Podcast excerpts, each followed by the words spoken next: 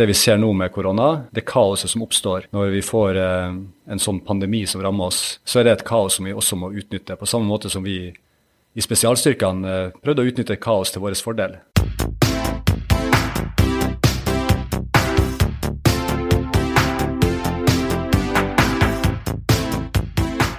Velkommen til en ny episode av Ledertaffel, NHHs podkast om ledelse. I denne podkasten kaster vi et blikk på aktuelle tema innen organisasjon og ledelse. Vi diskuterer hva forskningen sier, og vi kommer med noen av våre tanker om hva ledere kan gjøre annerledes for å lykkes der de er. Mitt navn er Marius Jones, og jeg er ph.d.-stipendiat her ved Norges handelshøyskole. I denne episoden snakker vi med general Eirik Kristoffersen, Norges forsvarssjef og tidligere sjef for Forsvarets spesialkommando.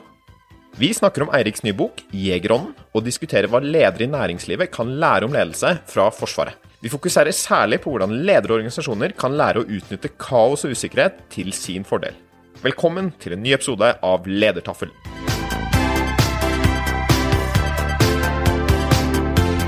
Vi skal snakke om hvordan organisasjoner kan håndtere kaos og usikkerhet.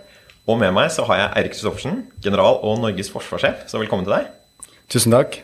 Og så har jeg selvfølgelig med meg prorektor på NHH og fast podkastmaker Therese Sverdrup. Velkommen. Tusen takk. Og du Erik, du er ute med en ny bok som heter 'Jegerånden'. Og Der reflekterer du bl.a. om ledelse og din karriere i Forsvaret.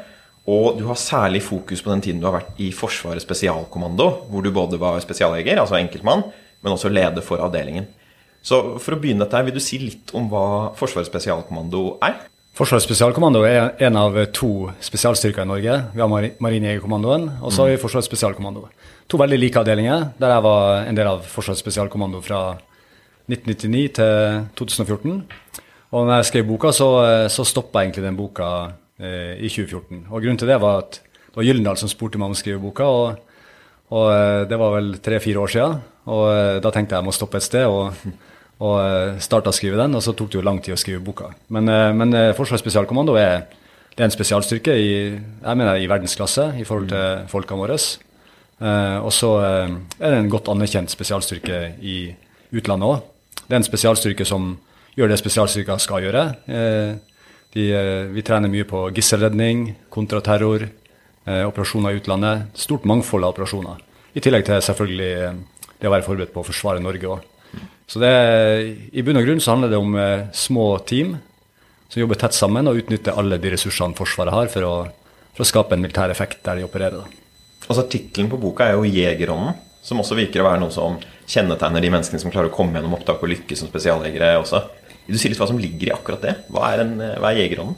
Ja, Vi, vi snakka lenge om eh, hva er det vi egentlig ser etter når vi selekterer folk til Marinejegerkommandoen og, og Forsvarets spesialkommando. Og og det vi så etter, var jo egentlig ikke den fysiske styrken. Den var, det er viktig å være sterk, for du skal bære tungt og, mm. og, gjøre ting ut fra helikopter og fly som krever at du er ganske sterk. Uh, men uh, det vi så etter, var jo egentlig viljen til å ikke gi seg. Så vi definerte den viljen som jegerånden. Og, uh, og vi snakka om at jegerånden er, er, viljen til å løse oppdragene du blir satt til å løse, uavhengig av forutsetninger. Så selv om du er kald, varm, om det er tørt eller vått, Eh, mørkt eller lyst, så skal du løse oppdraget og uh, oppnå det som, som, er tenkt uh, du skal oppnå, uh, uavhengig av det som skjer rundt deg. Og det, det definerte vi som jegerånden. Akkurat den viljen der til å, til å aldri gi seg og, og, få gjort det som skal gjøres. Mm. Jeg må jo få lov å skyte inn der jeg hadde middag med en venninne i går, som da hadde sett boken. Og så sier hun utrolig fremoverlent, han her forsvarssjefen som tør å kalle boken sin 'Jeg er ånden'. Ja, det, jeg vet ikke om du har hørt den? Det, det, det første som påpekte det, var faktisk dattera mi på ja. 16. Hun så på boka og så sa hun 'Jeg er ånden'. Ja. Bare, okay, nei, det var ikke det sånn det var ment. Det var, jeg hadde ikke, hadde ikke, tenkt på det, faktisk, før, eh, før i sommer når hun sa det. Ja. Eh, når jeg leste tittelen. Ja. Så, så det, det, var ikke det som var meninga. Meninga var at det skulle hete Jegerånden. Og så har det blitt en, en dobbeltbetydning som jeg ikke hadde noe intensjon med i, i, når jeg skrev boka. Det er en god hashtag. Det er en god hashtag, ja. ja, det er sikkert, ja. men, men, eh, når vi leser boken, så er det nærmest som en oppskrift vil vi si, på organisasjoner og team i dag som lever under ekstrem usikkerhet. Eh, og det er friksjon, det er litt kaos. Og nå med covid-19 så er vi jo altså Mange organisasjoner har jo landet der i dag på at vi vet ikke helt hva som er, skjer fremover, hvordan vi skal håndtere det. Eh, så tenker du at det er noe overførbarhet fra det dere har stått i, til bedrifter generelt? Ja, målet med boka var at den skulle nå bredt. At den skulle ikke være ei rent fagmilitær bok, men at den skulle inspirere spesielt yngre ledere, var, var tanken min. Okay. Gründere. Eh, jeg så for meg folk i rundt 25 år Ja. som, eh, som hovedmålgruppe, og at de skulle finne inspirasjon i boka, også for det de drev med utenfor Forsvaret. Derfor er språket synes jeg, ganske enkelt, håper jeg, og eh, i hvert fall eh, litt sånn rett frem med, med overføringsverdi. Og jeg mener absolutt at, at det vi ser nå med korona, eh, det kaoset som oppstår når vi får eh, en sånn pandemi som rammer oss eh, plutselig, selv om vi kunne ha sett tegnene, så kom det plutselig på oss i mars, så, eh, så er det et kaos som vi også må utnytte, på samme måte som vi i spesialstyrkene prøvde å utnytte kaos til vår fordel. Mm. og måten vi utnytta det på, var egentlig at vi, vi var veldig opptatt av å finne kjernen i det vi skulle gjøre. Så hvis det var et oppdrag, f.eks. i Afghanistan, der vi skulle arrestere og pågripe en Taliban-opprørsleder, så var det veldig gunstig for oss jo mer kaos det var i området der vi skulle operere, okay. eh, enn eh, en hvis det var helt stille. Så ofte så, så lagde vi narretiltak og fikk eh, gjort ting som gjorde at folk fikk eh, fokus et annet sted. Og så kunne vi nesten umerka spasere inn og pågripe lederen. Um, jeg tror at i, i korona så, og, og i enhver krise så oppstår det mange muligheter. Og det gjelder å se etter de mulighetene og finne ut hva, hva er det egentlig vi er ute etter. Um, hva er det egentlig vi kan gjøre nå? Uh, og vi må se forbi det kaoset og den krisen vi står i. For meg i Forsvaret så har korona gitt eh, en, en stor effekt øyeblikkelig, sånn økonomisk. Um, vi har redusert reiseaktiviteten med for store summer, da, over flere hundre millioner. Og varig tenker at eh, effekten av det er i hvert fall 20 redusert reise, som vil gjøre at jeg sparer nesten 20, 200 millioner i budsjettet i året, som man kan bruke på andre viktigere ting. For at vi har lært oss å jobbe på en ny måte, gjennom bruk av eh, digitale medier. Eh, på mange måter så har korona gjort at vi i Forsvaret nå jobber mer likt sånn som vi skal gjøre i krise og, og i en eventuelt krig. da. Vi jobber distribuert, og jeg ser sjefene mine gjennom, gjennom eh, videokonferanser og telefonsamtaler, og de er faktisk der de skal være, og ikke på møter i, i Oslo. Ja. For det virker som denne boken her egentlig er en eller i hvert fall sånn som vi leser den da, som en oppskrift på hvordan man kan da utnytte kaos til sin egen fordel, da, som du skriver der. Og, og her er det ganske mange elementer som du beskriver i den boken av, av hva dere gjorde i særlig FSK da, for å få det til. Eh, dere snakker bl.a. om tillit, små team, om planlegging, frykttoleranse, eh, viktigheten av ulydige medarbeidere er en annen ting som dere kom inn på. Eh, balanse mellom grundighet og eksperimentering. Og også det med nådeløs ærlighet og humor. Da. Og jeg tror vi skal touche litt inn på alle de her temaene eh, når, vi, når vi beveger oss inn i denne samtalen her nå. Og så tenkte jeg vi kunne starte med tillit. Fordi jeg husker når jeg var i Forsvaret, så ble jeg fortalt at tillit er bra, men kontroll er bedre. Og det virker til å være en litt sånn kontrast med hvordan du beskriver hvordan du forholder deg til det å være leder da, og ha tillit til medarbeidere. Hvor jeg får inntrykk av at du har mer en sånn grunntanke om at man starter med tillit først, og så skal du heller få et bevis på at du ikke kan ha en tillit til en person da, hvis, hvis du skal bryte med det. Men at eh, kontroll kanskje er eh, noe som også kan komme i veien for hastighet, da, hvis eh, man skal prøve å få gjort ting fort i en kaotisk situasjon. Så vil du si litt om den balansen mellom tillit og kontroll, og, og hvor mye tillit er bra, og kan det bikke over til å bli liksom naivt hvis det er for mye av det også? Ja, altså eh, Fundamentet for lederskapet mitt er tillit. Jeg har et veldig positivt menneskesyn. Og eh, Det eneste bakdelen med et positivt menneskesyn er at du må erkjenne at du kommer til å bli skuffa av og til. Eh, sånn er det. Tillit er fundamentet. Kontroll er en illusjon. Så hvis du har en organisasjon som, der du er opptatt av å kontrollere ting, så eh, vil du etter hvert eh, bare kontrollere det som er kontrollerbart. Eh, mens det er veldig mange andre ting du ikke får kontrollert, som kanskje er enda viktigere å vite. Så eh, folk som tror de har kontroll, de tar feil. Du, må, du kan ikke kontrollere, men du må få kontroll gjennom at folk rapporterer både rett og galt, og det sjefen trenger å vite, uansett hva jeg spør om. da. Så det typiske i Forsvaret er at folk, folk spør meg da når jeg ble, ble forsvarssjef, hva trenger du å vite? Og så vil de gjerne liste opp en, noen fem-seks punkter som er viktig at da blir forsvarssjefen varsla. Men mitt svar er jo at eh, jeg må varsles om alt jeg burde vite. Som er en annen måte å se det på. Sant? Eh, For jeg, jeg vet ikke hva jeg ikke vet. Så det vil være ting som ikke jeg vet, som er viktig å varsle meg om. Og da, da må jeg basere meg på tillit, og at folk faktisk sier fra. I spesialstyrkene så sa vi alltid, og det sier vi egentlig i hele Forsvaret, at ingen nyheter er gode nyheter. Og det kan være ganske ubehagelig for en sjef som er opptatt av å ha kontroll. Men eh, det er jo sånn du lar folk få holde på i fred og gjøre seg ferdig med jobben. Og så må du stole på at de rapporterer det som er, er viktig, enten for å støtte dem, eller for at det er avvik fra, fra det de skal oppnå. Da. Så, og da, er, da er tillit fundamentet. Og, og det, jeg mener at det er helt vesentlig. Og det, det er en av styrkene, de ordentlige styrkene vi har i Norge, er det tillitsbaserte samfunnet. Ja, og jeg tenker jo helt sånn, helt sånn konkret da, Når du kommer inn som forsvarssjef og du møter dine nye medarbeidere, er det sånn at du bruker ordene rundt det og snakker om at i utgangspunktet har jeg tillit til dere, eller bare merker de at du har tillit til dem? Hvordan jobber du rent eh, kall det kommunikativt med det? Nei, det, det, det er viktig å erklære tillit. Ja. Uh, og, jeg, har- og jeg har sagt det til staben min og sjefene der, at, at jeg har tillit til Forsvarsstaben. Altså, Med en gang. Jeg, må, jeg er nødt til å stole på Forsvarsstaben, som er min nærmeste stab for å, for å utvikle Forsvaret. Og jeg stoler 100% på sjefene mine ute òg. Eh, og så er det selvfølgelig sånn at vi av og til kanskje drar i litt forskjellig retning. Eh, og da må vi prøve å, å hanke oss inn igjen og, og få satt eh, ting i system. Men det må ikke bryte med tilliten. Eh, og spesielt i, i kriser. Og jeg har vært med på noen sånne kriser i, i Afghanistan og i andre operasjoner. Og det er ikke tvil for meg om at i krise så gjør folk sitt aller beste. Og så er det ikke alltid vi gjør de rette tingene, men vi har i hvert fall prøvd å gjøre vårt beste.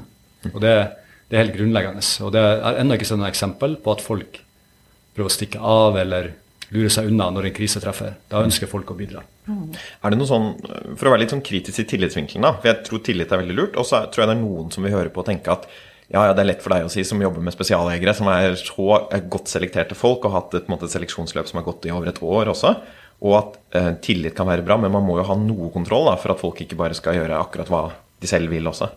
Er det, noe, er det noe som gjør at tillit kan skli over og bli naivitet også? Eller har du på en måte, har det, er det en grense der, eller er det en feil måte å tenke på det på? At det kan bli for mye tillit? Nei, det kan, det kan bli anarki. Ja. Og det må vi ikke ha. Så, eh, så vi, må ha, vi må i hvert fall være enige om felles målsetninger. Og det starter jo med, med det jeg starta med å snakke om kjernen i oppdraget. Hva er det egentlig vi skal oppnå? Så hvis vi klarer å bli enige om det, og det, det, det er en viktigere diskusjon enn å innføre kontrolltiltak, det er liksom å bli enige om retninga dit vi skal. Så, så hva er retninga for Forsvaret? Hva er det egentlig primært vi skal gjøre? Og primært så skal vi forhindre krig. Ikke sant? Vi skal sørge for at det aldri skjer 9.4.1941. Det er det som er hovedhensikten med Forsvaret. det er å hindre at vi havner i en, i en skarp konflikt eller en krigssituasjon på nytt igjen. Og da, da må vi være enige om det, sånn at vi ikke tror at vi skal ut og krige som en annen ting. Men så vil det være en konsekvens av at vi må reise på operasjoner i utlandet, og forhåpentligvis slipper vi å gå til krig i Norge. Men vi må være enige om hva som er utgangspunktet. Jo, vi skal forhindre at det oppstår en sånn situasjon igjen, og at vi blir overraska på nytt. Og da, eh, så, så, så du har helt rett, vi må ikke være naiv mm. i, i vår tillit. Men samtidig så, så hvis jeg må velge mellom strenge kontrolltiltak og litt naivitet, så vil jeg velge litt naivitet. Det er et mye mer positivt miljø å jobbe i, der sjefen er litt naiv eh, i forhold til at han er veldig eh, sånn kontrollfokusert. Og så er det noen som kanskje kan tenke der ute at ja, det er lett å vise tillit når du har små team. at du, du ser hverandre i øynene nærmest daglig, og så skal du aggregere dette opp til en stor organisasjon. da. Og nå har du plutselig tatt over en enorm organisasjon. Ja. Har du reflektert noe over den, den spennvidden det er i å gå fra mindre enheter til dette store? Ja, Og tillit til det. Ja, paradoksalt nok, og det må jeg si da, så, var det, så er det ofte mer stress å være mellomleder enn å være toppleder. og det tror jeg vi skal erkjenne. Mm. For mellomlederne står akkurat i den posisjonen mellom den veldig nærheten til arbeiderne og sine soldater eller sine ansatte, og eh, toppledelsen sine forventninger. Så, det, så jeg skal ikke underkjenne eh, det arbeidspresset som er på mellomledere. For det, og vi er helt avhengig av dem. Og jeg er helt avhengig av det. Dyktige mellomledere. Og det er de som egentlig bærer Forsvaret. Og så er det på en måte min jobb å, å ikke bli en flaskehals for at de skal få gjort det de skal, men uh, legge til rette for at de får utvikla seg. Så jeg syns egentlig det var, for å være helt konkret i min karriere, at det var mer, mer uh, krevende å være sjef for Forsvarets spesialkommando enn å være sjef for Heimevernet, Hæren eller nå forsvarssjef. Fordi uh, som sjef for Forsvarets spesialkommando og som sjefene på fregattene våre, luft, eh, altså flyskvadronene våre og, og bataljonene våre i Hæren, de står akkurat i denne mellomlederposisjonen som er veldig utfordrende. Der, du, der du hele tida eh, har et veldig nært og stort ansvar for de nærmeste folkene dine, samtidig som du har forventninger fra ledelsen om ting du skal få oppnå. Mm. Så, eh, så jeg vil jo i den, i den eh, konteksten der så, jeg, så vil jeg jo gi mest mulig kredibilitet til de sjefene som er under meg, og under der igjen, og, og, de som faktisk får ting til å skje. Det er de som, som bærer Forsvaret fremover. Jeg syns det er litt spennende med tanke på hvordan karriereveier har en tendens til å gå oppover i nesten alle organisasjoner. Og Forsvaret har jo gjort noen grep der for å også ha disse horisontale karriereveiene. Hvor du skal kunne ha en karriere eh, hvor du eh, måte, vokser kanskje i, i, både lønn og anseelse, sånn, uten at du nødvendigvis beveger deg oppover i hierarkiet også. For at Hvis det er sånn at de viktigste og vanskeligste rollene ikke er på toppen, men midt i, eller kanskje også lengst nede, da, det skriver du en del om i boka, at f.eks. i FSK så var spesialjegeren den viktigste. og Det var den alt skulle bygges rundt. Og sørge for at den klarer, altså enkeltmannen klarer å løse oppdraget. da, er At de på en måte virker å ha en viktigere rolle der enn de som sitter langt fra også. Men når du, når du sier her at, um, at det er faktisk de som er i midten, som gjør den kreveste jobben, og så har du likevel et system hvor man flyttes oppover hvert, etter hvert som man lykkes, da, som kjennetegner mange organisasjoner. Er det noe feil da med hvordan måte karriereveier er lagt opp? tenker sånn, er Én ting er Forsvaret, men også generelt. da, Jeg tror bredere også eh, at det er sånn. Burde det være mer sånn at karriereveien går på en måte via toppen og så ned i midten igjen? Eller, eller andre veier også, istedenfor at man hele tiden skal flyttes oppover? Jeg tror, jeg tror det du er inne på noe som er veldig vesentlig. Eh, for det første så eh, hadde, hadde jeg vært yngre enn jeg er så hadde, jeg, så hadde jeg valgt en spesialistkarriere i Forsvaret. Jeg hadde blitt en fagmann. Hadde, det var derfor jeg gikk inn i Forsvarets spesialkommando i en alder av 30 eh, år. Det var jo for å bli soldat igjen. Mm. Um, men den gangen fantes det ikke noe system. Jeg var allerede utdannet offiser, og, og, jeg måtte på en måte gå karriereveien. Men jeg hadde, jo, jeg hadde, jo, valgt den, for jeg liker jo faget veldig godt. Det å være soldat og, og de utfordringene som det medfører. Uh, så det er jo en personlig sak. Uh, når det kommer til hvordan vi gjør karriere, så er jeg helt enig med det du på en måte beskrive. Nemlig at vi får eh, opprykk i både grad og lønn, i hvert fall vi offiserene. Mm. Eh, med at vi går bort fra, den, fra, kjernevirksomheten. Vi går bort fra de operative avdelingene og inn i en stab og inn i en ledelse som er på et høyere nivå. Så vi må se på en annen måte å gjøre det på. Der du, det jeg kunne ønske meg, var at, at yngre folk kom inn på og jobba for meg i, som forsvarssjef tidlig. Mm. Og så fikk de erfaring der, og så dro de ut igjen med den erfaringa og, og leda ute i Sjøforsvaret, Luftforsvaret og Hæren f.eks. Der, de, der de kommer tilbake igjen med, med, erfaring fra en høyere stab, som vi kaller det. Mm. Uh, som jeg vil egentlig kalle en, en stab lengre bak. Og så kommer seg ut til fronten igjen og får gjort jobben med de erfaringene som de har da. Så vi, vi, bør se på det, og det er en ting vi har starta på i Forsvaret òg. Vi ser mm. både på, på hvordan vi eh, gir opprykk, og hvor, hvor vi egentlig har putta lederstillingen i Forsvaret. Eh, og så ser vi på hvordan vi kan sikre oss at eh, kompetansen er der den trengs, nemlig ute i de operative avdelingene. Og jeg syns det er spennende når du reflekterer over disse tingene. Gi tillit, og du snakker, bruker kommunikasjon overfor eh, ledere. Du har jo i boken din synes det er veldig mange sånne slagord eller fraser.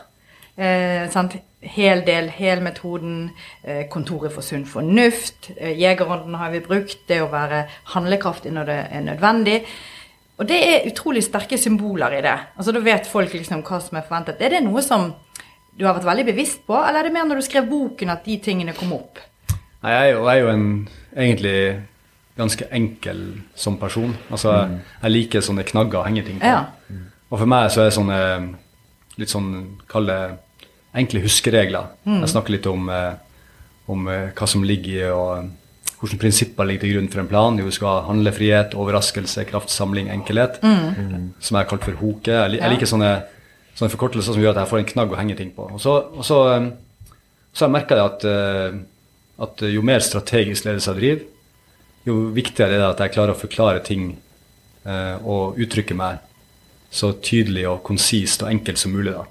Hvis, det, hvis ting, ting, er vanskelig og komplisert på mitt nivå, så blir det i hvert fall det på for de som skal gjøre jobben. Mm. Så det, det en, jeg tror det er en vesentlig egenskap for toppledere da, mm. å klare å forenkle ting. Uh, jeg tror det var Albert Einstein som, som skal ha sagt at, uh, at det tar et uh, geni til altså, å gjøre vanskelige ting enkelt. Mm. og, og det, det, tror jeg vi skal forvente av våre mm. ledere, at de klarer å forklare seg på en sånn måte at vi alle forstår hva de egentlig ønsker å oppnå. Derfor har jeg lagt veldig mye vekt på at ledere skal være tydelige mm. i prioritetene sine. De skal være tilgjengelige for de ansatte, men de skal også være til stede. Mm. Så de må, og de kan være til stede på mange måter. I sosiale medier, i kommunikasjonen sin, eh, men selvfølgelig også fysisk til stede. Og det er jo en av de tingene som jeg savner nå når korona har truffet, det er jo faktisk å besøke folk. Mm. For nå er det mye i Oslo. Men, jeg, men da, da prøver jeg å være mer til stede i, i f.eks. kommunikasjon med, med arbeiderne i Forsvaret. Jeg syns de der enkle ordene som på en måte skal veilede oss når vi skal møte forskjellige situasjoner, er ganske fascinerende. Jeg husker også fra min tid i Forsvaret at nesten alt kunne oppsummeres med en sånn forkortelse. At du hadde sånn som Hoke eller du hadde Pixib, og så hadde du fempunktsordre som skulle på en måte løse eh, alle planleggingsproblemer også. Og jeg synes Det er liksom fascinerende det du sier med at liksom, når ting blir mer kompleks, så må nesten reglene for hvordan vi skal handle, må bli enklere. Og det er jo kanskje en litt sånn kontrast i, også, i akademia, da, som liker å på en måte se nyanser og kompleksitet og beskrive eh, hvor vanskelig ting er av og til. da. Mens her høres det ut som du går litt sånn andre veien. da. At når verden blir vanskelig, så må på en måte de reglene eller mentale modellene vi har for å styre, de må bli enda enklere. Og Kan du, kan du si litt om den på en måte balansen der mellom å eh, holde ting enkelt, men uten å, på en måte, at du gjør det for enkelt? Ja, det, det er vel, Du er inne på kjernen. da. Vi må ikke undervurdere hvor uh, sammensatt ting er, og hvor uh, utfordrende ting kan være. Vi må ha med oss hele den akademiske ballasten. Og vi må ta med oss forskning, vi må ta med oss alle synspunktene, og vi må, vi må ha et ordentlig faglig grunnlag for å mm. uttrykke ting enkelt. Hvis ikke så blir det jo bare tull. Mm. Eh, da blir det jo nesten litt sånn populistisk. Og det er jo ikke bra. Bak de enkle budskapene så må det ligge ei ordentlig god vurdering. Og, og, derfor er det akkurat den kombinasjonen mm. som du beskriver, som er vesentlig. da. Mm. Vi må aldri stoppe å forske og, og være nysgjerrig og innrømme at det kanskje finnes andre måter å gjøre ting på. Mm. Men når vi først har bestemt oss og skal få ting omsatt, så må vi gjøre det på en så enkel måte at i hvert fall på, på mitt nivå, som gjør at uh, de folkene jeg snakker om, typisk mellomlederne, for dem så, så, kan de ta tak i det og komme videre. Mm. At ikke de må bruke enda mer forskning og akademia for å forstå hva mm. sjefen egentlig vil. Så, um, så uh, akademia og forskning er, ekstremt viktig. da. Derfor er jo i Forsvaret Forsvarets forskningsinstitutt, Forsvarets mm. Vesentlige institusjoner for å bringe Forsvaret videre. Ja, jeg synes jo sånn Sett utenfra at det er blitt stadig mer profesjonalisert knyttet til akademia, forskning osv. innad i, i, Forsvaret. Ja, og nå, eh, nå, legger vi oss mer og mer opp mot, uh, mot det sivile standardene ja, og, jeg... og, utveksling. Så det, og det, det, er et rett steg videre. Men, ja. men, vi tenker jo alle vi som har vært gjennom en sånn skole, at alt var så mye bedre før.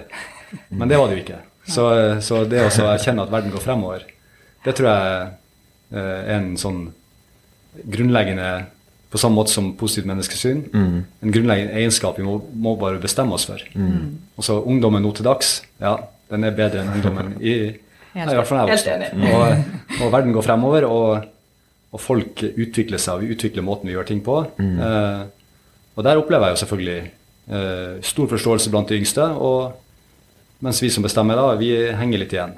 Mm. Så vi må aldri slutte å utvikle oss. Jeg syns det er spennende i boken skriver når det gjelder dette her å, å vise mot. Mot til å være ulydig, altså mot å gå imot.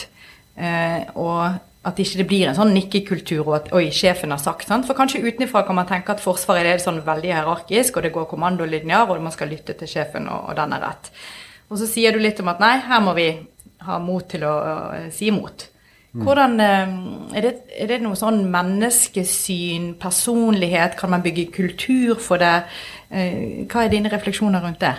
Mener, det handler veldig mye om lederskap. Eh, vi må ha en, må ha en kultur der, der lederne er ydmyke. Mm.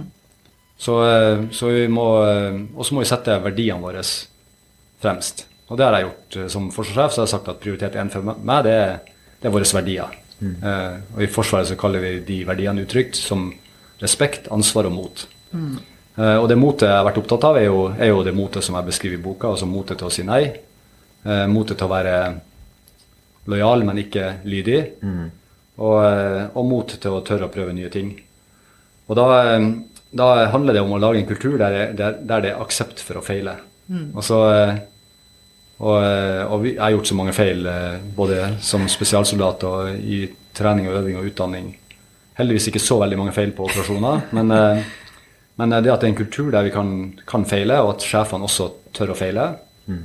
eh, er viktig. da. Så på øvelsene i min tid som sjef for Forsvarets spesialkommando, så, og det er sikkert sånn fortsatt, så var det sånn at sjefen visste ikke hva som skulle skje. Og når jeg da gjorde feil som, som opplagt fikk konsekvenser for utfallet av øvelsen eller treningen vi holdt på med, så kom det en kar og hanka meg inn på sidelinja eh, og sa at eh, Eirik, nå må du tenke deg om en gang til. Ja. Men det var, det var, viktig for meg å ikke vite hva som skulle skje. Mm. Så så det skapte en kultur der, var, der, var, eh, der også sjefen kunne feile. Mm. Eh, og så bygde det bedre sikkerhet når det ble skarpe operasjoner. Mm. Så, så det, det, er vesentlig at vi har, har den, den, kulturen der, der folk faktisk eh, tør å si ifra og tør å gjøre feil. Men, men, har du opplevd noen endring i din tid, 30 år i Forsvaret? At det er mer anerkjent? Jeg har opplevd at det er mer anerkjent nå. Ja. Eh, jeg opplever at vi har en mye mer eh, i forhold til da jeg begynte i Forsvaret, ja. mye mer moden kultur i forhold til lederskap. der der vi ikke dømmer folk nord og ned for at de har gjort noe galt. Mm. Vi er ute etter handlekraftige ledere. Eh, men som jeg skriver i boka, det var en sånn trist eh, spøk da, som gikk i Forsvaret om at hvis du skulle, skulle, bli general, så måtte du aldri si ja, aldri si nei. Og, og under enhver omstendighet aldri si ild. Som betyr at du skal åpne ilden. Så, så, det var en, ikke sant, det er, en, mm. det er en spøk, men det var også en trist sannhet i den spøken. Mm. Den, den, kulturen opplever jeg er borte. da. Nå ønsker vi ledere som står frem, kommuniserer åpent, mm. eh, og som eh, og som bidrar i, i debatten, ikke minst. Og det er jo det som er kjernen i, i Forsvaret. Forsvaret skal gjenspeile samfunnet. Eh, vi skal være i god kontakt med samfunnet. Og det må være en sånn treenighet mellom eh, de som bestemmer, folket, og de som utøver makt. Den, vi, den balansen må vi ha. Mm. Og da må vi være åpne om det vi driver med. Da. Og det syns jeg også har vært en kulturendring siden jeg begynte i Forsvaret. Mm. Mm. Jeg syns det er spennende. Jeg synes den overføringsverdien av mot, eller viktigheten av mot, var større når jeg hadde lest ferdig boka, enn når jeg begynte å tenke på det i forkant. da. For det er jo lett å tenke at det motet som kreves for å være spesialjeger, er en annen type mot enn det som kreves for å eh, jobbe i næringslivet i Norge. Altså Der driver du med skarpe operasjoner hvor ting kan gå veldig galt hvis det ikke går veien. Og det er jo mye tryggere sånn rent fysisk å være på jobb en, eh, på en arbeidsplass i Norge. da. Men eh, mye av det du beskriver om motet, handler jo både om det type motet, men også det motet for å på en måte si ifra og si nei, stå imot sjefen, stille de dumme spørsmålene, eh, kanskje komme med forslag som ikke er så populære. Eh, så mer den der mot for å ta en sånn slags sosial risiko, da, som jeg tror er like relevant i Forsvaret som det er i alle norske virksomheter. også. Mm. Og så beskriver du bl.a. dette her med at man må um, være på kanten av frykttoleransen sin. I hvert fall sånn som Det er min tolkning av det, ikke et rett sitat. da, Men at man hele tiden må pushe, pushe motet sitt litt. Man må bygge mot over tid også. At man må prøve å tørre litt mer. Ja.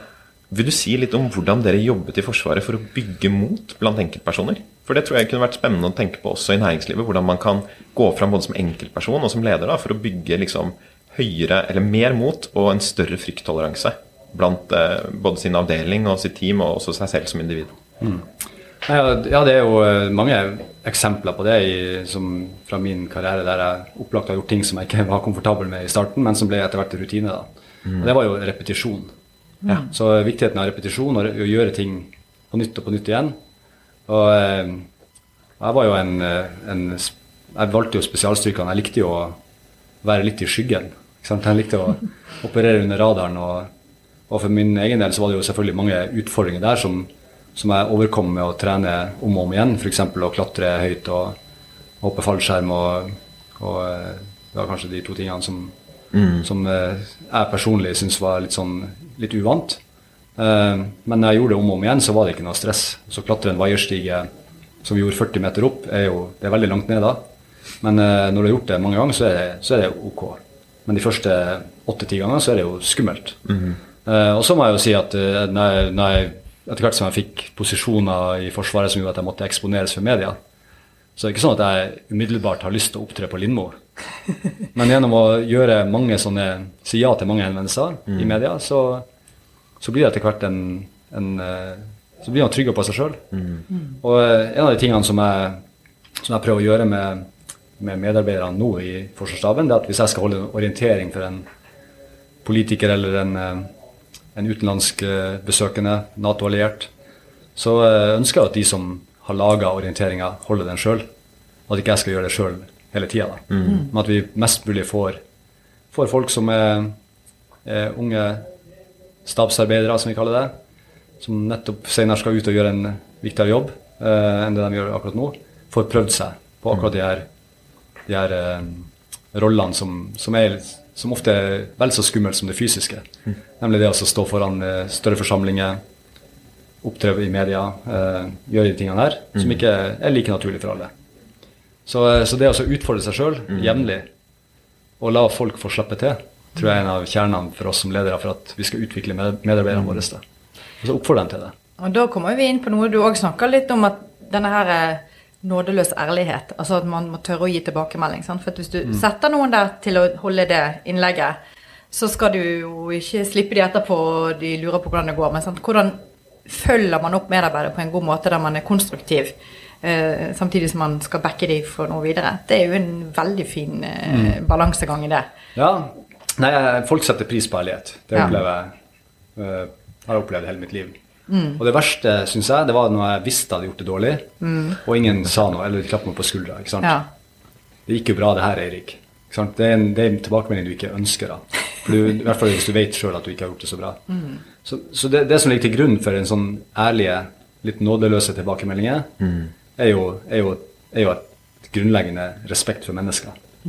Så, så vi må gjøre det på en måte som gjør at du får ei, ei, ei tilbakemelding uten at vi, at vi blir sinna eller bruker ord og uttrykk som er trakasserende. eh, og det, det er nok en utfordring for mange. Å puste litt ut før de gir tilbakemelding, og ikke bare ta det direkte. Eh, og få kjefta som vi er vant med som har vært i Forsvaret. Så vi fikk jo veldig mye kjeft i starten, og var helt greit. Men, eh, men, men det altså ha den grunnleggende respekten og snakke til folk som, som du snakker til bestemora di, og ikke bruke et annet språk. Jeg mener det at eh, mobbing og, og trakassering det starter egentlig med, med at eh, vi har et språk eh, oss imellom i Forsvaret eller andre arbeidssteder, der vi, der vi starter med å være, bryte noen små grenser. Vi snakker til en eh, medarbeider eller en sjef eller bak ryggen til noen. Og da har vi allerede starta en vei mot det som kan bli atskillig alvorligere. alvorligere. Og så ser vi jo det at vi alle, i alle deler av samfunnet fortsatt ikke har tatt inn over oss alle effektene av metoo. Og, og, så man, man, må, man må gi tilbakemelding på en ærlig måte, men også trene seg sjøl opp til å snakke til folk med respekt. da. Og, og tenke at det vi, grunnen til at vi gjør det her, er jo for at de skal bli bedre. Ikke for at de skal, de skal parkeres eh, gråtende borti et hjørne. da. Så, eh, så det, det, det må være et klima for å, for å kunne gi sånne tilbakemeldinger. Og det tror jeg det tror jeg eneste måten å oppnå det på, er å, er å kjenne folkene sine. Ikke sant? At vi er trygge på hverandre. Vi har jo et sånt akademisk begrep vi kaller psykologisk trygghet. Og vi har en egen podkastepisode om det. Og det er egentlig det jeg føler du berører litt inni dette. fordi at uh, hvis du er i et team eller en gruppe der det er høy psykologisk trygghet, så tør man å si ifra uten fare for at man blir latterliggjort eller at du blir utsatt for noe identitetstyveri eller noe sånt for hvem du er. Eh, og det er jo liksom, En del ledere merker vi i næringslivet som er veldig nysgjerrig på akkurat det. Å ja, nettopp, ja. For det, hvem har ikke sittet i et møte? Du ser noen inn i øynene, og så tenker du åh, hvis jeg sier det til noen, så begynner han å le av meg eller himle med øynene. Og da vil du ikke egentlig tørre å være ærlig.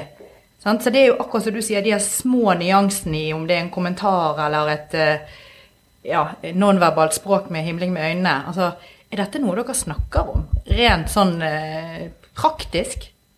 Nei, Vi snakker jo, vi, vi gjennomfører nå ikke sant, en ny eh, Vi gjennomfører hvert år medarbeiderundersøkelse. Der vi får tilbakemelding fra alle medarbeiderne hvordan arbeidsklimaet er. Og så gjennomfører vi nå, De siste årene har vi gjennomført eh, undersøkelser om mobbing og seksuell trakassering. Ja. Mm. og vi var tidlig ute i Forsvaret med å, med å be om svar på hva, hvordan står det til. Og så var det selvfølgelig sjokkerende. Ja, det Eh, var dårlig på ikke mange områder. Og så er jeg forberedt på at det blir Nå kommer det en ny undersøkelse. Jeg er forberedt på at den også kommer til å avdekke ting som ikke er som de burde være. Men det er mye bedre å gjøre det og være åpen om det for å få bukt med problemet, enn å late som det ikke eksisterer. Så, eh, så eh, jo mer vi jobber med det, og jo mer ærlige vi er, jo mer lengre kommer vi, tror jeg. Og det er dessverre fortsatt folk som ikke har skjønt at, eh, at det er faktisk en ny tid. Vi har faktisk likestilling i landet her, selv om vi hadde det veldig lenge. Så, eh, så er det fortsatt sånn at det er ikke det er ikke sånn at alle oppfører seg bra mot hverandre. Og det, det, det er et problem, da. Og det, vi kan ikke ha det sånn. Men det er jo som du sier, altså Vet de at de gjør det? For det er jo av og til det man kan tenke at det er blitt denne kulturen. At ja, ja, du fleiper, og jeg fleiper, og så eskalerer det litt, og så må du være med på fleipen. Hvis ikke, så er ikke du med. sant? Og det er jo det å tørre å stoppe opp der. At noen da, leder eller noen sier stopp, der skjedde det som vi nå har snakket med. sant? Det er det jeg tror den bevisstgjøringen man kan få gjennom å gå inn i de små nyansene. Men så vet jeg ikke om vi har klart å trene våre ledere, eh, eller og dere om dere har klart å trene. Så vi utdanner jo siviløkonomer som blir ledere. Og Jeg tror vi bare må ta mye mer på alvor, igjen tilbake til det kommunikative aspektet det er ved, ved ledelse. Ja. Og det, det, er så mange elementer i det. Klart det er kroppsspråk. Mm. Det, det er så, vi har så mange hersketeknikker som vi bevisst eller ubevisst tar i mm. bruk, som stopper folk. En av de hersketeknikkene er sikkert at jeg er forsvarssjef og har fire stjerner. Ikke sant? Så hvordan skal jeg liksom bryte, bryte, ned den for å få de ærlige tilbakemeldingene? Mm. Um, og, det, og sånne, sånne, ting omgir, omgir, vi oss med hele tida. Men så vi, bor vi i Norge, da, og det må jeg jo si at ja. Eh, det sosialdemokratiske samfunnet vi lever i, er jo tilbake igjen til tillit, er jo et stort konkurransefortrinn vi har, mm. som vi må ta vare på.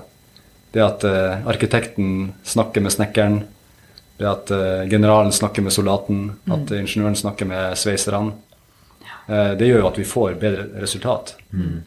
Og det, det, må vi ikke ta for gitt, da. Mm.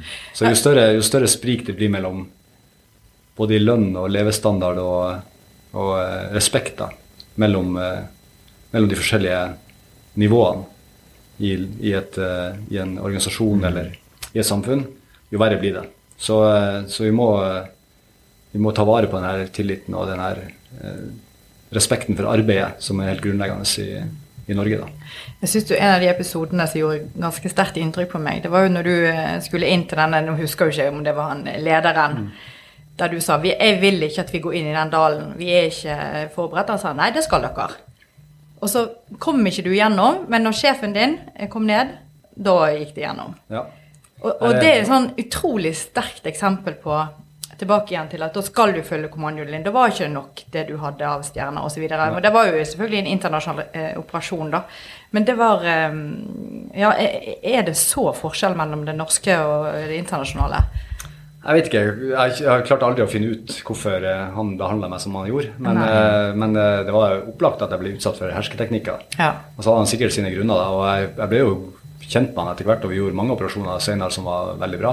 Mm. Men akkurat der og da så, så Og jeg, jeg sto veldig i det da, og mm. argumenterte imot, for jeg mente det var meningsløst at vi skulle reise opp i dalen igjen og bli skutt på på nytt igjen, istedenfor å finne på noe annet å gjøre som kanskje ga litt mer effekt. Mm. Men da brukte han alt av hersketeknikker. Ja. Om vi ikke torde, om vi ikke var forberedt på det, hva som var galt med norske soldater versus andre soldater. altså Alle de tingene her. Og så til slutt så var det ok, vi får bare reise opp, da. Og så kommer sjefen min ned, og så sier han, som du sa, Therese um, Det er ikke så lurt. Og så var det Ja, de okay. trenger jo ikke det. Og da følte jeg meg ordentlig uh, satt til side og, og dårlig behandla, da. Mm. Uh, Men det er kanskje en veldig god erfaring å ha med seg nå når du er på toppen? Ja, det er jo det er viktig for meg å lære av de tingene jeg har gjort òg. Så jeg håper jo at jeg klarer å ikke, å ikke bruke hersketeknikker. Da. Mm. Og du beskriver jo også hvordan du eh, i hvert fall at du virker at medarbeidere skal si deg imot også, ganske mye. Eller du beskriver at du ønsker ulydige medarbeidere. Og at eh, du satte pris på eh, ulydigheten som spesialjegerne i FSK også viste deg underveis. Og, og det syns jeg er en spennende måte å snakke om medarbeidere på. At du ønsker at de skal være lojale, men at de skal være ulydige.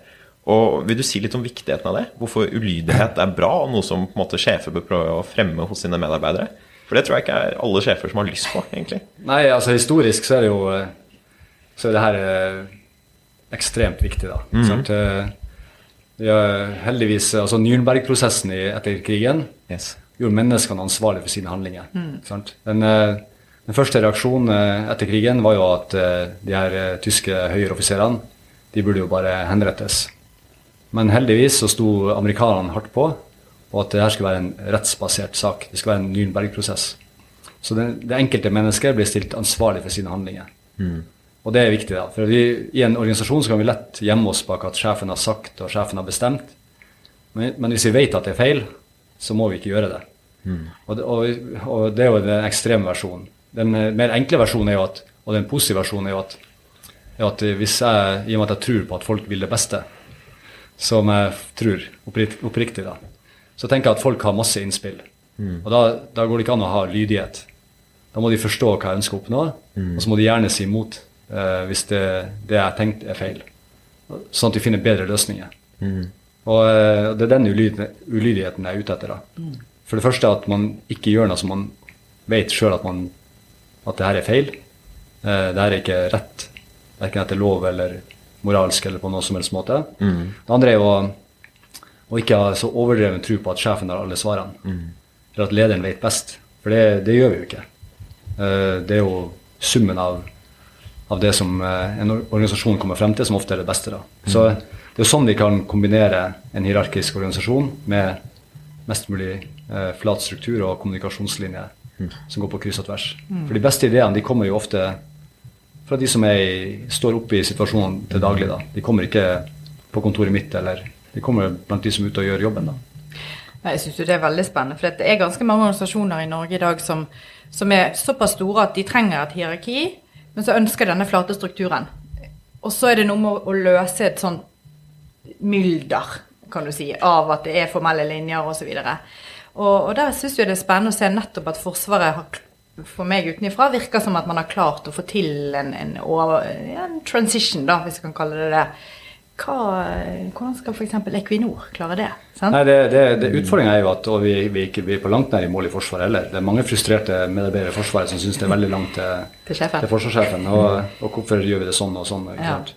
Men, eh, men, det som er jeg tror det er kjernen, det at, og det, her kan digital, digitale hjelpemidler hjelpe oss veldig. da. Hvis, hvis, vi klarer å få folk til å ha det samme bildet som mm. sjefen har, mm så tror jeg vi har oppnådd veldig mye. Så hvis, hvis vi klarer å kommunisere de utfordringene jeg står i, ned til hver enkelt medarbeider i Forsvaret, så tror jeg alle kommer til å dra i samme retning. Mm. Hvis, hvis, vi hadde klart å skape et sånt bilde av hva, hvor er det vi står hen, hvor er det vi går hen, til alle, så kunne vi ha fått effekt. Mm. Um, for det, det, det, er jo um, Det er jo sånn at informasjon er makt. Mm. Så det er mange barrierer her. Eh, og, og, vi må på en måte utnytte tek teknologien til at eh, flest mulig får den samme informasjonen mhm. mest mulig samtidig. Og så er det selvfølgelig grenser for hvor mye informasjon vi kan ta inn over oss. Mm. Men hvis, vi, hvis, vi, hvis, det bildet som jeg tror jeg har over statusen i Forsvaret, var kjent blant folk og de utfordringene vi står i, så tror jeg vi hadde oppnådd veldig mye og kunne funnet mye bedre løsninger. Vil du si litt mer om hvordan man bygger denne ulydigheten blant medarbeidere? For jeg syns du sier noe veldig viktig her. da, med at en måte å, å, fremme det på, er jo å sørge for at alle har samme informasjon, og at vi vet hvor vi skal. Da har vi forutsetninger for å komme med innspill og forslag, og til å være uenige med sjefen. Og så ser jeg for meg at det er ganske skummelt også for en medarbeider å skulle si sjefen sin imot. Hva er det du tenker at ledere kan gjøre for å skape ulydigheten som trengs for å løse oppdrag bedre? Nei, det, det, det, er jo et veldig godt spørsmål. Hvordan skaper man en sånn kultur? Og det vil jo være forskjellig fra organisasjon til organisasjon. Eh, I Forsvaret så handler det om å snakke om, eh, om verdiene våre som viktigste prioritet. Og mm. motet til å si nei. Som, for når vi, når vi, snakker om respekt, ansvar, mot Når folk snakker om mot i Forsvaret, så tenker de på motet til å gå i kamp og mm. motet til å gjøre farlige ting. Men det er jo det, er jo det andre motet jeg er ute etter. Altså motet til å si nei og motet til å si fra når ting ikke er som det skal være. Så, det, så man må snakke om verdiene sine. Eh, sånn konkret som forsvarssjef så, så er jeg ja, denne uka her så hadde jeg forsvarssjefens bokklubb. Mm. Da inviterte jeg 15 yngre offiserer, som er ikke er verken mine nærmeste eller nest nærmeste, eller, og de er ganske langt unna meg sånn i, i organisasjonen, til å komme inn og så lese i bok. De hadde lest en bok på forhånd, og så diskuterte vi boka, og så snakka med dem. Mm. Så det å um, vise at man kan snakke med og at alle kan snakke med forsvarssjefen, mm. har vært en av mine et sånt virkemiddel da, for, å, for, å, vise at det er ikke noe det er ikke noe eh, en engere krets eller en indre sirkel som bestemmer. Det, mm. Vi skal være åpne. Og så eh, en, en, annen ting jeg har gjort, er å prøve å sende ut veldig korte eh, meldinger til alle medarbeiderne, mm. eh, der jeg snakker om hva jeg eh, syns er viktig akkurat nå. Mm. Sist jeg sendte, var om, om pandemien vi står i, at vi må stå i den lenge. Mm. Og selvfølgelig takke alle for den jobben de gjør med å både holde oss operative, men ikke minst vaske hender og holde avstand. så, eh, så, eh, og så da kan jo folk svare på den. Og så vil jeg få svar fra de som gjør det. Det er veldig få som svarer, da. Ja, selvfølgelig. Du får det, Ja. Men, men, men, gjøre sånne, sånne grep da, ja. som er litt synlige òg. Mm. Men det viktigste er nok helt grunnleggende å sette verdier høyt. Og, mm. og, eh, og, aldri slutte å snakke om det. Mm. For det er ikke noe som I Forsvaret må vi gjøre det hvert eneste år. Vi får inn 8000-9000 unge hvert år. Mm. Rett fra russetid og fagutdanning og, og um, det sivile samfunnet, som, er, som, som, skal inn i et system der vi ikke aksepterer alt det som skjer eh, på, um, på festlokale eller på byen. Vi, vi, vi, skal ha en høy standard i Forsvaret, og vi har nulltoleranse for for mobbing og seksuell trakassering. Det er målet vårt. Mm. Så ethvert tilfelle er et for mye. da. Mm. Så vi må, vi må, fortsette med å holde fokus på de her verdiene. da. Et tema som jeg synes du eh, Det er vel egentlig på slutten av boken. Sant? Det, det kan jo bli seriøst. Sant? Det er mye det er respekt og det er ulydighet vi snakker om, sant? men humor snakker du om. Og denne gode stemningen eh, som så viktig. Og det tenker jeg eh, på mange arbeidsplasser, hvor viktig det er. Og, og nå i, i koronatiden, så hvor blir det av?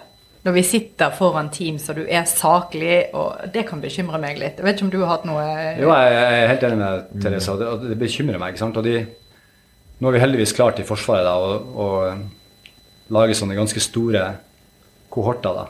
Så folk okay. er faktisk eh, stort sett eh, Får lov å treffe ute, hverandre. ute og treffer hverandre. I, altså Vi er nødt til det. ikke? Ja. Vi har mange soldater på, på en kaserne, vi har, Mm. vi har eh, besetninger på skip, og, og vi må holde Forsvaret operativt. Så, så veldig mange får jo eh, møttes da. Men, eh, men det å sitte hjemme på hjemmekontor er jo, er jo ikke så fint som vi tror. Det er jo en belastning over tid. Så hva vi kan gjøre med det, det Jeg, var, eh, jeg så noen hadde starta vinsmaking på nett. Ja. Da ble det jo god stemning. Det var en, en idé. Eh, der alle hadde kjøpt samme vinene, og så, så hadde de vinsmaking eh, på nett. Det tror jeg Ikke i arbeidstiden, da. Bare sånn Nei, det er ikke presisere. arbeidstid. Men vi må, vi må i hvert fall eh, tenke oss hvordan, hvordan skal vi gjøre det fremover. For at vi Ja. kommer til å ikke møtes på lenge da. Mm. Jeg har jo forberedt Forsvaret på at dette var i hvert fall fram til neste sommer. Da tror jeg, og jeg er ikke noen medisiner, men jeg tenker at det er vel lite som tyder på at det går over til da. Men, men det med god stemning er viktig, da. Og, og en, av de, en av de tingene jeg lærte veldig tidlig i Forsvaret, det var at vi, vi var ganske flinke til å kose oss med misnøyen. ja, Så, så, vi, så vi setter oss ned og koser oss litt med misnøyen. Ja. Og vi gjorde det. ikke sant? Ja. Og så var det sånn en kaffekopp, og så alt du var misfornøyd med. Ja. Og så var vi ferdig med det. Og, det. og bare det å kalle det for det Ja. Kos med misnøyen men, men det har jeg hørt ganske mye negativt om òg. Altså, kos med misnøye. Det spørs jo hva misnøye dere hadde. Kanskje det var våpenet som skilte seg, eller noe sånt. Men kos med misnøye i enkelte arbeidsplasser er jo veldig negativt betont. Fordi at det er ledelsen man gjerne snakker om da. sant? Ja, Og, så den må vi Jeg vil jo bare si vi skal ikke oppfordre til kos med misnøye ute. Hvis ikke det er med Nei, det du men, er men, det, men, det, altså, det, det, men det altså lufte ut Ja frustrasjon er viktig. ikke sant? Det tror jeg. Det var det, det var det vi la i den kos med misnøyen. Det var, det var liksom hvor håpløst alt var. Og så når vi er ferdig med det, så var det ikke så ille. Så vi bor i Norge, og det er fred i landet, og vi skal ut på skytebanen igjen, så det kommer til å gå bra. Men, eh, men, eh, men det, jeg merker jo det veldig godt når jeg reiser rundt til avdelinger, og, og du merker det med en gang når du kommer inn i avdeling, om, om det er god stemning. Altså, måten du blir mottatt på, okay. eh, måten eh, folk eh, oppfører seg på, snakker Ja. på. Kan ikke du sånn- gi noen eksempler? To rom. Hva er det som skjer i det ene kontra det andre? Nei, noen ganger kommer du inn, og så merker du at, uh, at det, det er litt stress. Sjefen er litt uh, uh, opptatt av at ting skal være i orden, for nå kommer forsvarssjefen. Mm. det er litt sånn reise opp, og så når vi har snakka, så er det veldig få spørsmål. Mens andre steder så kommer du inn, og så er det bare Velkommen hit, og så er det skikkelig eh, Ta en kaffe, og så snakker alle med meg, og så, og så uh, går det litt for mye tid, og så og nå må vi kanskje starte med en presentasjon vi hadde planlagt. Og så, og så Det blir en helt annen dynamikk, da. Ja. Og, så, er det- og så er det åpne, gode diskusjoner, da. Eh, etter at vi har gjerne vært gjennom en presentasjon eller jeg har sagt noen ting, da. Så, så jeg, merker merker veldig godt, godt på sånn interaksjon med, mellom folk. Og, mm. og jeg tror det er veldig erfaringsbasert, da. For det, det er ofte sånn at det som ser best ut, kanskje ikke er det beste. Ofte er det litt mer kaoset som kanskje den avdelinga som er Eller den organisasjonen som har det beste.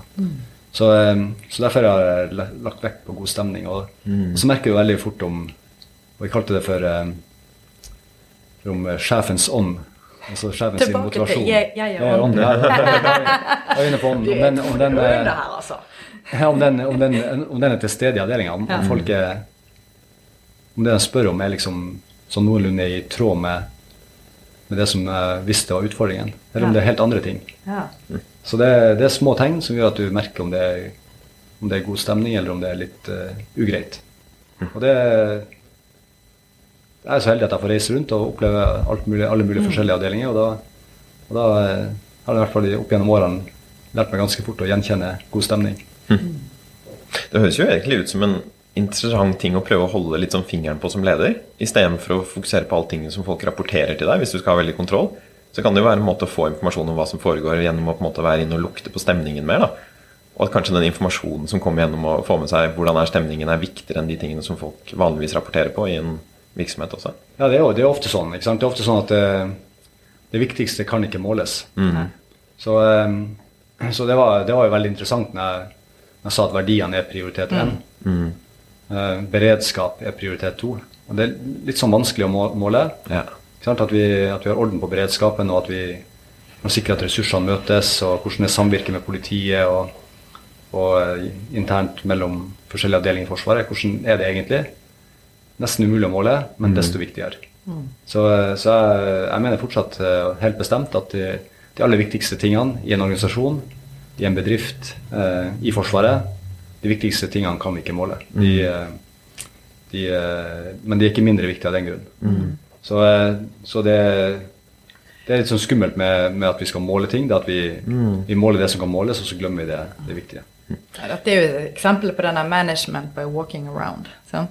Ja, Det, det. jeg tror eh, man får veldig mye som leder hvis du riktignok er god da på å lese situasjoner, for det er jo ikke alltid man er Mm. Men, men, men vi ledere vi skal ikke tenke så mye på det som du tar opp der, Therese. Jeg tror at, at eh, det er viktigere å møte lederen. Så vi, vi, skal, vi skal ikke la vår egen vi ledere skal ikke la vår egen manglende sosiale kompetanse, Kompetanse. stoppe oss fra å snakke med folk. Ikke sant? Vi, skal, vi skal fortsatt være rundt og snakke med folk, selv om det, vi skal tvinge oss til det. For det, folk liker å snakke med folk, og de liker å snakke med sjefene sine. Ja da, bli Ja. sett. Og bli sett. Ja. Jeg vil litt innom før vi avslutter den tilbakemeldingskulturen som du beskrev som nådeløs ærlig i boka. For det er noe vi har fått en del spørsmål også fra lyttere om. Om dette med tilbakemeldinger og hvordan man kan klare å få mer tilbakemeldinger på jobb. Og jeg syns også det er en greie når jeg har vært ute hos team, som både som forsker og også som konsulent. Nesten alle ønsker mer tilbakemeldinger. Og dere beskriver en ganske sånn rå tilbakemeldingskultur, som var, både var preget med dette med nåd, eh, nådeløs ærlighet, at det hørtes ut som alt jobbrelevant skulle ut, og også noe med at kritiske tilbakemeldinger var noe man tok foran alle. Så en måte å gi negative tilbakemeldinger på, som jeg har lært en eller annen gang, husker ikke når, var at det med at positive tilbakemeldinger, det kan vi ta i plenum. Kritiske tilbakemeldinger kan vi bare ta, eller bør vi ta til bare den det gjelder, for å sørge for at eh, det ikke blir så flaut eller noe sånt for den ene personen. Og, og det var ikke en måte som dere gjorde det på der. Så vil du beskrive litt hvordan tilbakemeldingskulturen så ut i eh, FSK, og også reflektere litt om det er en tilbakemeldingskultur som du tror passer overalt? Er det sånn at man bør bare kopiere den, eller er dette noe som er forbeholdt nokså på en måte, spesielle avdelinger? Nei, boka er ikke noe fasit. Det er ikke. Eh, boka er eh, beskrivelse av den kulturen som var der jeg jobba i FSK. Eh, jeg mener at den har overføringsverdi. Eh, for det første så, så var det jo satt av tid til tilba- tilbakemelding. Det var organisert. Det var sånn at vi ga tilbakemelding etter å ha gjennomført en ting. Så var det, det var helt naturlig. Ta en, eh, ta en kort eller lengre runde på hva var det vi gjorde nå, hvordan gikk det.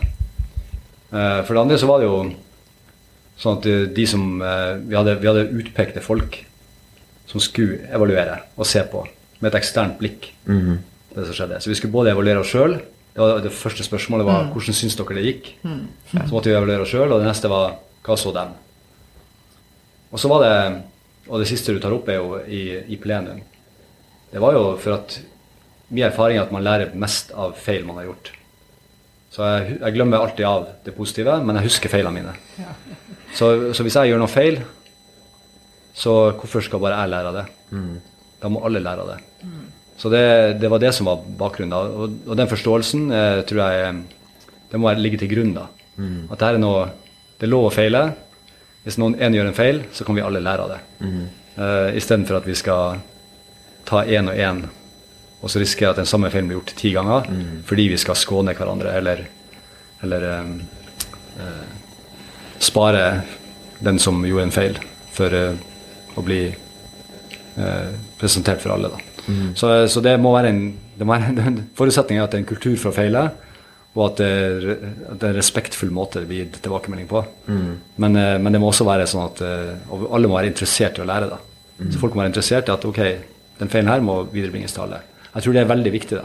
Jeg tror det er veldig viktig at vi, at vi når vi gjør, da gjør feil, eh, innenfor industri, innenfor forsvar, innenfor eh, Altså om vi får en sånn uønska hendelse, så bør vi få spredd den så fort som mulig. Vi trenger egentlig, ikke- e- egentlig ikke analysere eller så veldig mye, men det her skjedde noe som potensielt var farlig eller var feil. Og så må flest mulig få innsikt i det så raskt som mulig. Det, det vil skape læring, da. Mye mer læring enn alt det positive. Så, eh, så det, jeg tror det positive, det, Vi får høre det, det er veldig stas og veldig fint, men, eh, men vi lærer ikke så mye av det. Vi forsterker bare vår egen kanskje kultur, eh, eller vår egen måte å gjøre, gjøre ting på. Men det er ikke sikkert at det er rett. Men vi lærer av feilene. Kan også velment ærlighet bli for mye? Fordi at Vi snakker jo om dette her med at du skal være nådeløs ærlig. Og en måte som det blir for mye eller feil, er jo hvis det går over til mobbing og trakassering eller dårlig språkbruk. Da er det ikke tilbakemeldinger lenger hvor intensjonen er å lære. Da er det noe annet. Så det skal vi ikke ha noe av. Men er det sånn at alt annet av ærlighet faktisk er bra? Eller kan det bli sånn at ærlighet også går for langt? Altså velment ærlighet også går for langt noen steder? Fordi jeg, jeg tenker jo litt sånn som jeg leser boken, og hvis jeg tenker hvordan jeg skal nå forholde meg til å gi tilbakemeldinger, er jo at alt jobbrelevant, og jeg tror vi kan lære, det skal jeg nå ta med kollegaene mine, og gjerne foran alle. Tenker du at den gjelder, eller er det på en måte grenser for det også? Det, det er absolutt grenser. Så eh, vi, var, vi, vi hadde aldri mer enn tre punkter. Ok. Så, Det er jo veldig var- konkret forholde Det er veldig konkret. Det var etter en hendelse. Tre punkter til forbedring. Mm. Tre punkter som var bra. Sant? Og, og så stoppa vi der. Mm. Så hvis ikke så blir det altoverslukende. Og så kommer du ikke videre. Det- det- Og jo færre, jo færre punkter, og hvis det er ett viktig punkt, så holder jeg til det. Ja. Ikke sant? Du må, vi kan ikke drive på og, og analysere oss i hjel hele tida. Vi, må- vi må ta de viktigste tingene, og så, eh, og så får det resten bare Der skulle jeg ønske Bare. vi akademikere hadde lært, for vi er bare trent i å pirke på alle detaljer som er dårlige på den artikkelen vi skriver. Så det er 100 punkter. Hvis vi skal oppsummere litt på slutten her nå, da, så tenker jeg at um, næringslivet syns jeg jo etter hvert har begynt å, å bli mer nysgjerrig på å eksperimentere og, og teste ut litt og reflektere og, osv. Jeg tenker at Det vi har veldig mye å lære fra Forsvaret, er nettopp det med øvelseskultur. Altså at man går inn og repeterer, tester, reflekterer osv. Og, så videre, og det syns jeg vi har gjort for lite av når vi ser på næringslivet. Der har man hatt eh, kanskje det vi kaller teambuilding. Gå ut og ha det gøy. Sant? Og så blir man litt kjent, men når du kommer tilbake på arbeidsplassen, så er du ikke noe bedre rustet til å jobbe sammen faglig i det teamet. Nødvendigvis rent på saksnivå. da. Så det tenker jeg liksom, Skal man utfordre næringslivet, se litt på Forsvaret i forhold til akkurat det øvingskultur. Det å tørre å sette seg ned og teste ut en del ting, og så gi tilbakemeldinger. Det, det tenker jeg eh, ja, jeg har lyst til å oppfordre til at man tar med seg. Ja, nei, det, er, det er veldig interessant. Og det, det jeg ser nå som forsvarssjef, det er at veldig mange godt voksne menn og kvinner, eh, gjerne pensjonister, som har levd et langt liv og kanskje vært en liten stund inne i Forsvaret, kanskje vært én tur i Libanon eller, eller på Balkan, i Kosovo eller Bosnia. Når de da er pensjonister, så ser de tilbake igjen på den tida, altså de seks månedene av et langt liv, der de var i utlandet. Ikke sant? Så, så den beste teambuildinga var faktisk å gjøre jobben. Ja. Og det, det var veldig bra at du sa det, for at det, det har slått meg flere ganger nå i det siste at eh, de henvender seg til meg og lurer på hvordan jeg kan møte om det finnes noen veterantreff, eller et sted de kan treffe de folkene de var sammen med en gang i tida ute. Og det er jo eh, litt overraskende for meg, men eh, jeg skjønner det veldig godt. For at eh, man skapte et team som ikke var basert på, på teambuilding i, i sånn klassisk event eller dra på fjellet eller noe sånt, men det var faktisk en jobb de gjorde som skapte det teamet. Så det syns jeg var et veldig godt poeng, eh, Therese. Kanskje vi bygger de beste timene gjennom det vi gjør til daglig. Ja, og det der med at øvelse trenger ikke å være noe du gjør på siden av jobben. Du kan på en måte få hverdagen til å bli en øvelse hvis du på en måte legger inn de mekanismene som du snakker om. Da, Erik, sånn som um, dette å ha noen som observerer, eller tilbakemeldingsrunder etter det du holder på med. og sånn også. Det går helt fint å gjøre. ikke sant? Etter f.eks. når vi har spilt inn en podkast her, så var det mulig å ha en tilbakemeldingsrunde på det ikke sant? også. Så Ja, får du læringen litt på, på spark her. Jeg hadde en eh, videokonferanse med Nato i dag, og etter den så fikk jeg tilbakemelding fra de som satt ved bordet på hvordan det hadde gått. Og, og det var jo eh, Så det, så det å bare, bare ta seg de få minuttene det gjør eh, Og så må ikke øvelse være noe som skjer helt på sida. Det må være en del av, eh, Det nettopp det. Integrert. Men, men det er klart, i, i Forsvaret så er vi jo en, vi er en beredskapsorganisasjon. Ja. Så vi driver jo med trening og øvelse, det er jo det vi driver med. Eh, så lenge det ikke er operasjoner. Så, men det vi har gjort de siste årene, det er også å integrere alt det vi gjør på trening og øvelse, som en del av operasjonsplanlegginga. Så vi driver ikke på med noe annet enn det vi forventer at vi må gjøre i en krise eller en, en krig. Da. Herlig. Jeg syns det var en super oppsummering. jeg. Tusen takk for at du kom, Eirik Kristoffersen. Lykke til videre. Takk.